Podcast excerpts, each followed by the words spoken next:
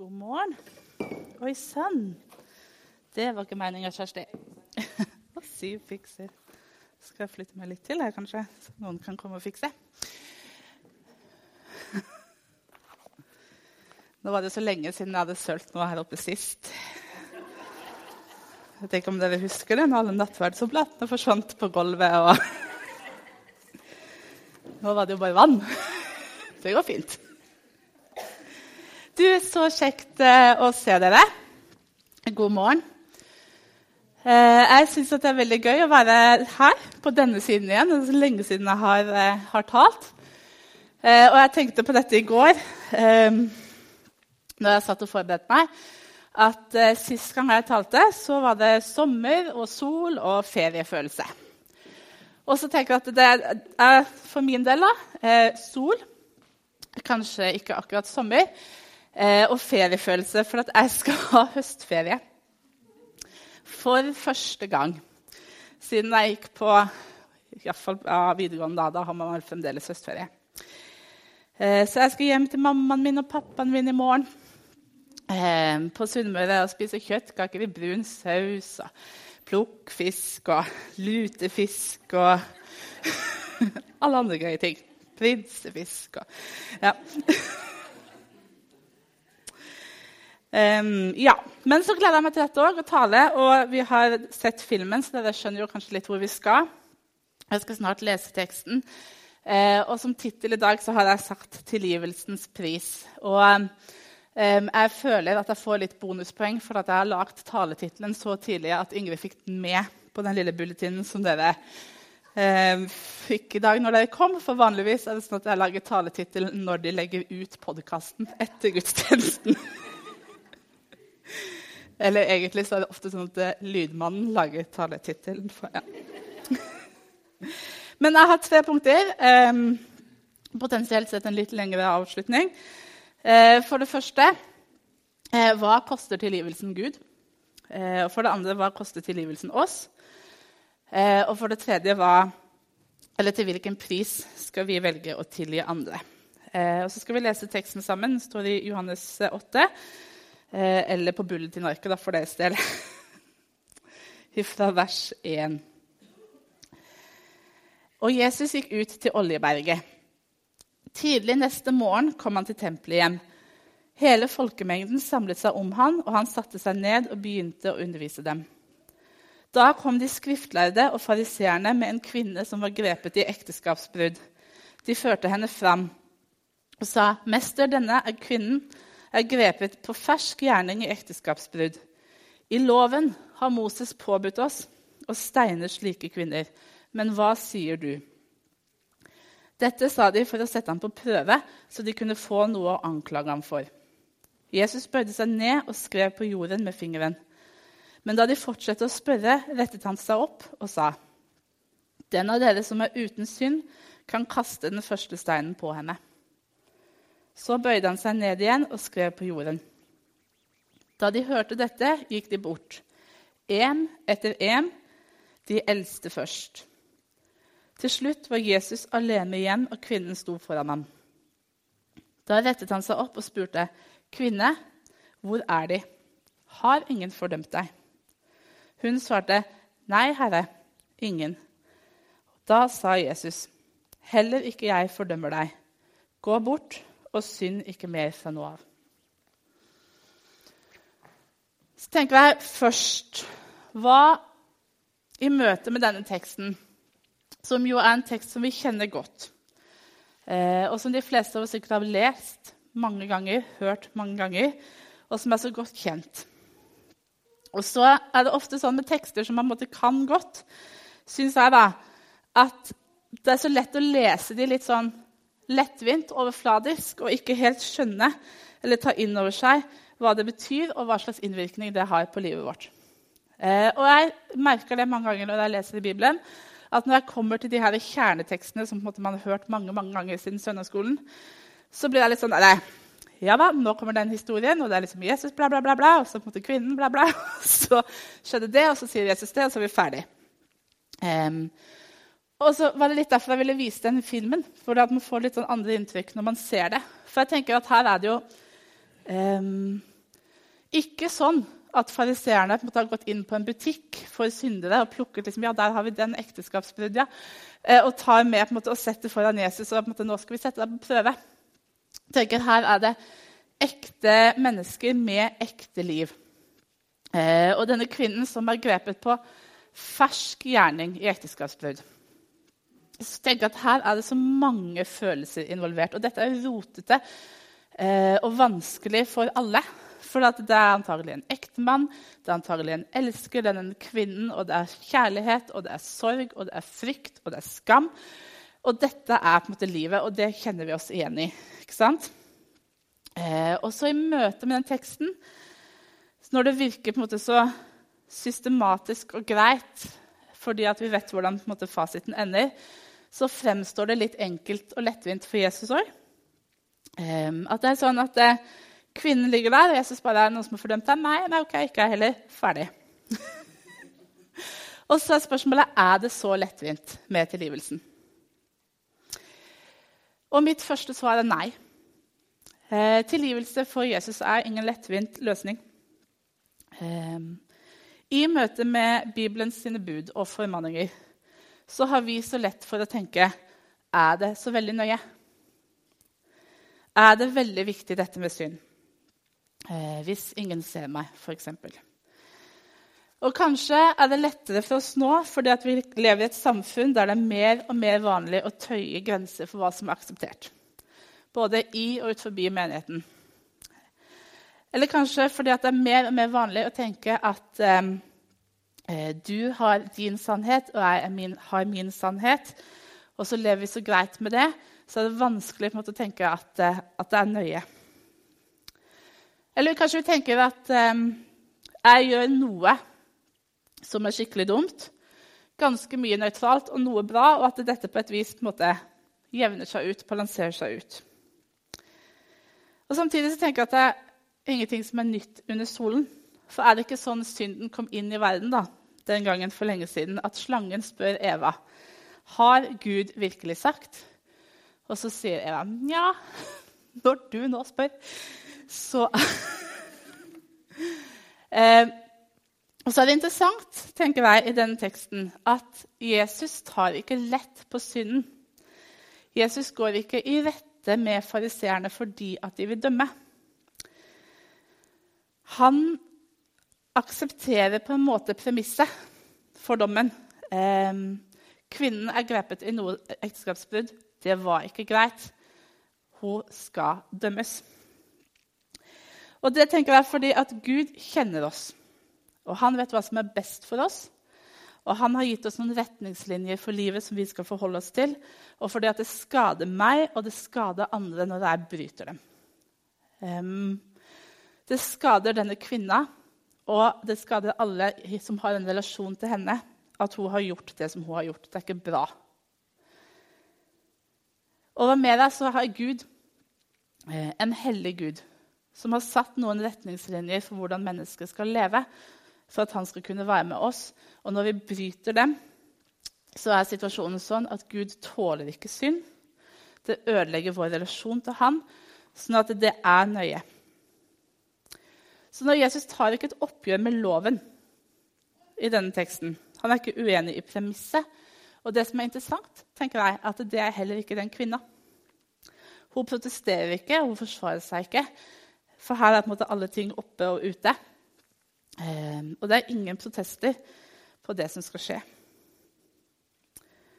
Og så er ikke tilgivelse en lettvint løsning for Jesus fordi han kan velge å ta lett på synden og den prisen som Jesus har betalt for å kunne tilgi denne kvinnen, kosta han alt. Eh, han vet at han er, har blitt menneske, at han var nødt til å gi avkall på sin rett og sin ære og den herlighet som tilhører han som Gud, og bli et menneske. At han ble født som flyktning eh, og må leve et helt ordinært liv i på en måte, samfunn, som fattig i et samfunn, at han må leve under samme kår som oss. Og han vet at lenger fram eh, så skal han gå i døden eh, for den synden som vi har gjort. At den straffen som vi skulle ha, den er han nødt til å betale at, for å kunne møte denne kvinnen med tilgivelse eh, når de kommer med henne. Så jeg tenker at hvis spørsmålet er på en måte, hva koster det Gud å tilgi, så koster det alt. Så for Gud så var tilgivelsens pris høy. Men heldigvis for oss, da, så tenker jeg hva koster det oss? Hva koster det meg å bli tilgitt av Gud? Og da tenker jeg at hvis spørsmålet hadde vært er tilgivelse lettvint, så kan man si ja. Veldig lettvint. Eh, og den prisen som jeg må betale, den er gratis. Fordi at Jesus har betalt prisen, og derfor så slipper jeg. Så for oss er det lett. Vi kan få lov til å ta imot den tilgivelse som Jesus allerede har betalt for. Eh, og slippe eh, å fikse dette selv. Og det tror jeg noen ganger kan være litt vanskelig for oss som mennesker. ikke sant? Vi er vant med å tenke at vi er nødt til å ordne oss sjøl. Fordi vi er ikke vant med å få noen ting som er gratis. Jeg tror at vi er ikke veldig gamle før vi har knekt den koden med at gaver og tjenester ofte kommer med en pris.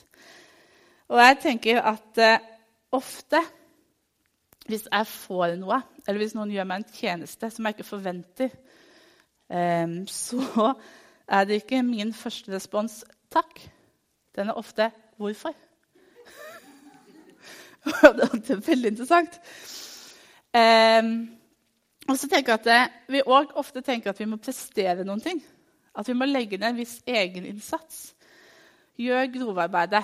Eh, at jeg kan komme til Jesus og få tilgivelse når jeg har måte, gjort en liten innsats.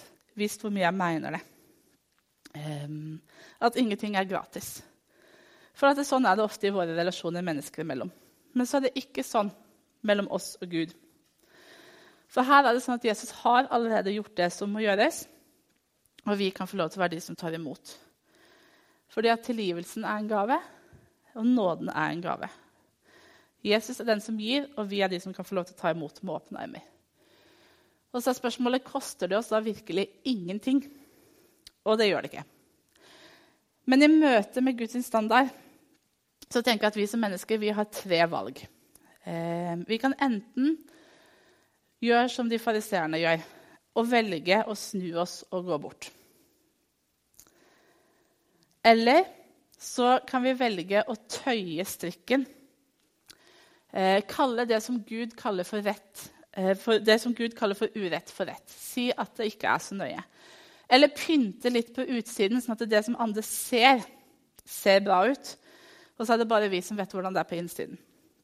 Eh, men så er ulempen med den løsningen da, at en dag så at Gud, som da kjenner oss og vet alt om oss, så skal vi en dag stå til regnskap for de valgene som vi har tatt, og det livet som vi har levd. Og da er det ikke sånn at eh, det holder med den fine, gode utsiden, eller at eh, to gode og to dårlige handlinger utjevner seg. Um, så da er det tredje muligheten som vi har. Det er å gjøre sånn som denne kvinnen i denne fortellingen gjør. At hun sier seg enig med Gud eh, i det som er sakens situasjon. Og ikke protestere, ikke skjule på det, ikke pynte på sannheten, ikke late som at man er noe annet eller har gjort noe annet enn det man egentlig har gjort. Eh, men å på en måte kunne stå der og si at eh, du vet, og jeg vet hvordan det egentlig er fatt. Eh, og når vi gjør det, når vi taler sant om vårt liv i møte med Gud, så får Jesus en mulighet til å møte oss på samme måte som han møter den kvinnen med nåde og med tilgivelse. Og det er ikke fordi det er en slags pris vi er nødt til å betale. Fordi at Tilgivelsen er gratis, og nåden er gratis, men vi kan ikke ta imot den hvis vi ikke aksepterer måte, det grunnlaget som den blir gitt på. Hvis jeg insisterer på at, eh, at, det ikke er så ille, at jeg egentlig klarer meg ganske bra, så har jeg jo ikke behov for det som Jesus tilbyr meg. Og så langt så har jeg tatt utgangspunkt i at når vi leser denne teksten, så sammenligner vi oss med kvinnen. Og det gjør vi veldig ofte, og med dette. Eh, og det vet vi jo, eh, som sitter her, og som kjenner Jesus, som har tatt imot Jesus, at vi har hatt den opplevelsen av at en gang, eh, og antagelig veldig mange ganger, så har vi fått lov til å komme som den kvinnen. Eh, komme til Jesus med alt det som vi har gjort, og oppleve å få nådetilgivelse. Men så er spørsmålet til hvilken pris skal vi tilgi de andre? Og da lurer jeg på om det ikke ofte er sånn at hvis vi skal lese denne teksten og stille oss det spørsmålet, at vi skal være så ærlige og si at vi egentlig ikke alltid ligner kvinnen, men at vi veldig mange ganger også ligner på fariseerne. Og jeg tror det er en veldig tynn grense mellom det å være tydelig og å være dømmende. Og jeg tror at veldig mange ganger så tråkker vi over den grensen som noen elefanter i en glassbutikk. Og så har vi et ønske om å være tydelige i vår kommunikasjon av hva Gud sier. Og for de som vi møter, så virker det bare fordømmende.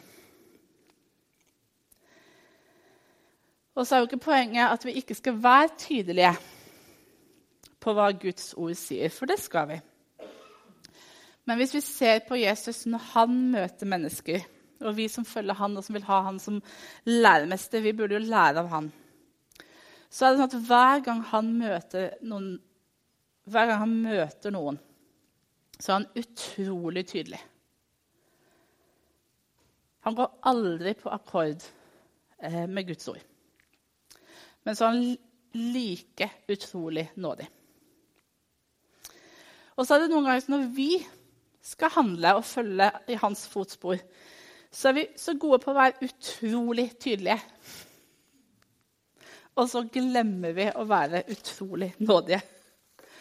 Og da tror jeg vi er som fariseerne, som peker på synden og som peker på problemet, og som sier at 'dette er galt'. Dette må du fikse. Og det er for så vidt sant. Og så tror jeg at Det er viktig å huske når vi leser om de fariseerne, at det er ikke sånn at de gjør det for å være slemme og ekle, men fordi de tenker at det er viktig for denne kvinnen at det blir viktig og rett. At de på en måte gjør det ut av sin omsorg for henne og for fellesskapet og holder fast på det som er Guds ord, og på en måte å være tydelige. Og så blir det feil allikevel. Og så glemmer vi litt at Jesus er ikke uenig i problemet. Men han har òg løsningen. Og så tror jeg vi glemmer hvor vi kommer fra. At For ikke så veldig lenge siden så var det vi som var kvinnen. Og det er akkurat som det ordtaket aldri har passet bedre. Men kast ikke stein når du sitter i glasshus. Eller som Paulus sier Derfor har du ingen unnskyldning, du menneske som dømmer, hvem du enn er. For når du dømmer en annen, fordømmer du deg selv. Du som dømmer, gjør jo det samme selv. Og jeg tenker at her har vi en vei å gå. Og det tror jeg også at disse fariseerne hadde. For da teksten sier at det er de eldste som slipper steinene og går først. For det er kanskje de eldste, de som har levd en stund, som har kjent på livet, som vet at man faller gang på gang på gang på gang. Og jeg hørte en tale for ikke så veldig lenge siden eh, av en forkynner som jeg egentlig har hatt inntrykk av har vært veldig sånn streng og pietistisk og veldig nøye på at alt skal være riktig. Eh, og derfor jeg, Nettopp derfor ble jeg så overrasket når jeg hører han si, og det er helt sant, det er en mann, at ifra verdens skapelse eh, og gjennom hele verdenshistorien, gjennom hele Bibelen, gjennom hele Guds åpenbaring, så sier Gud et uendelig stort ja til mennesket. Og til og med når Gud velger å si nei, så er det for å beskytte og bevare det ja-et. Og så er det akkurat som at når vi som skal formidle Gud til andre, eh, så roter vi det oss til, og så er vi så tydelige på nei-et, og så glemmer vi at det egentlig sier Gud ja.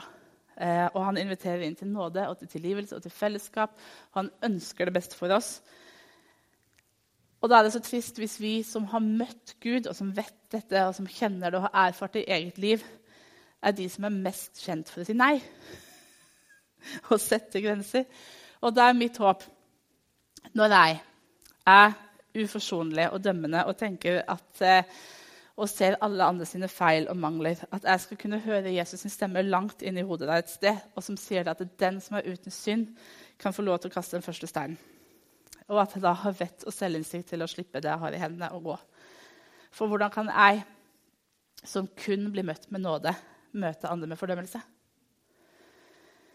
For vi er jo kalt til å tilgi på samme måte som vi har blitt tilgitt. Som vi ber i Fader vår, tilgi oss vår skyld, slik som vi òg forlater våre skyldnere.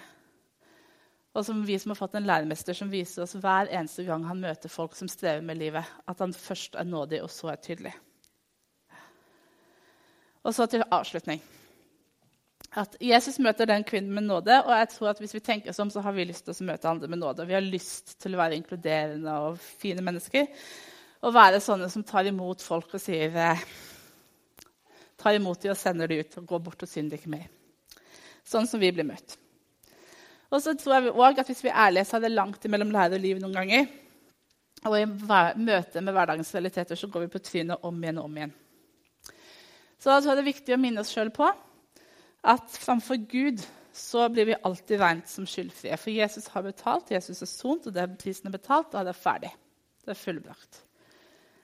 Og i møte med andre så kan vi få lov til å leve sammen med han som har lyst til å lære oss og hjelpe oss til å være mer lik han i møte med andre mennesker. Og så vet jeg ikke om dere har sett eh, 'Skal vi danse'? Jeg har ikke det sett veldig interessant at jeg skal bruke det som et bilde, men konseptet med 'Skal vi danse' er at man tar noen som ikke er god til å danse, og tenker at de skal være med på en dansekonkurranse. Eh, og jeg er absolutt ikke veldig god til å danse, eh, så jeg ser for meg hvordan den opplevelsen hadde vært for min del. Eh, at det hadde vært et kjempenederlag å snuble rundt på den scenen eh, og prøve å forholde seg til noe musikk og noen bevegelser. Og absolutt ikke vite hva man holder på med. Eh, og i tillegg så er det publikum, og man filmer dem og sender det på TV. Så jeg skjønner ikke hvorfor folk sier ja. Um, men det som gjør at dette fungerer som et TV-konsept, er jo at de som ikke kan danse, for det første blir på en måte styla og kledd i i danseantrekk og pynta og stæsja og alt mulig. Så alt det ytre er på plass. Og så blir de satt sammen med noen som kan danse.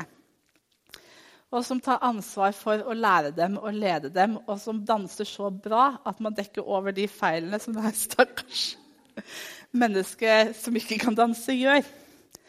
Og resultatet er at det blir en fin forestilling. ikke sant? Og at de som er med, klarer enda mye mer enn det man skulle tro. Eh, og det er jo bra TV-underholdning. Og så tenker jeg at det er dette Gud inviterer oss til. Å bli med i livets store Skal vi danse. At han setter oss i stand, eh, tilgir oss og, og, gjør oss klare. Og så sender han oss ut med seg sjøl som dansepartner. Og så er han den som måte, lærer oss, og som leder oss og som løfter oss opp når vi går på trynet og dekker over alle feilene, sånn at det på en måte ser bra ut. og så tenker at Bare for å minne oss på eh, hvordan det er å komme til Jesus, enten for første gang eller for hundrede gang eller for enda mer, så hadde jeg lyst til å minne oss alle om hva som er Guds selvforståelse i møte med oss, møte med deg og meg. Fordi at Jesus han forteller en lignelse om en mann som har to sønner. Og hvor den ene forlater gården og går vekk og roter seg inn i tull og tøys. Og som en dag bestemmer seg for at han skal vende tilbake og be om å få lov til å bli en tjener i sin fars hus. Og dette vet vi, ikke sant? for den historien kan vi. Men jeg skal bare lese den gjensynsscenen for dette her forteller jo Jesus om hvordan Gud møter oss. Da han ennå var langt borte, fikk faren se ham og fikk inderlig medfølelse med ham. Og løp sønnen i møte, kastet seg om halsen på han og kysset han. Sønnen sa, 'Far, jeg har syndet mot himmelen og mot deg' 'og fortjener ikke lenger å være sønnen din.' Men faren sa til tjenerne sine, 'Skynd dere, finn fram de fineste klærne og ta dem på han.' Gi han en ring på fingeren og sko på føttene. Hent gjøkalven og slakt den, så skal vi spise og holde fest. For denne sønnen min var død, men er blitt levende. Han var kommet bort og er funnet igjen. Og så begynte festen og gleden. Og det er det bildet som vi kan få lov til å ta med oss om at når vi kommer til Gud, så møter han oss sann. Eh, som en far som er ute og leiter og ser etter oss, og som har begynt å løpe oss i møte allerede før vi har snudd og begynt å komme tilbake til han. Er ikke det fantastisk? Skal vi be. Kjære Jesus, jeg har lyst til å takke deg for at eh, du viser oss hvem du er. Eh, at du både når du levde her på jorda, i handling og gjennom de fortellingene som du fortalte, og de lignelsene som du fortalte, den undervisningen som du ga, så peker du på oss at du er en Gud som virkelig ønsker å komme oss i møte. At du gjorde alt som du kunne, og alt som du måtte, for å gjenopprette den relasjonen som vi kunne ha med deg, som hadde blitt ødelagt. Takk for at vi kan få lov til å forvente at eh, når vi kommer til deg, enten det er for første gang eller at vi har gjort det mange ganger før, så, så møter du oss med nåde og med tilgivelse. Takk for at vi kan få hvile på at det er du som har gjort alt, og at når du sier at det er fullbrakt, så er det virkelig det. Og hjelp oss, Herre, og lær oss å, å, møte andre med den nåden og med den tilgivelsen som vi har fått fra deg. Lær oss å, å lære av deg og um, være um, utrolig tydelige på hva som er ditt ord, og samtidig være utrolig nådige. Uh, hjelp oss å møte andre med den tilgivelsen som vi har fått. Jesus, jeg takker deg for at du alltid gir oss nye sjanser, nye muligheter. Amen.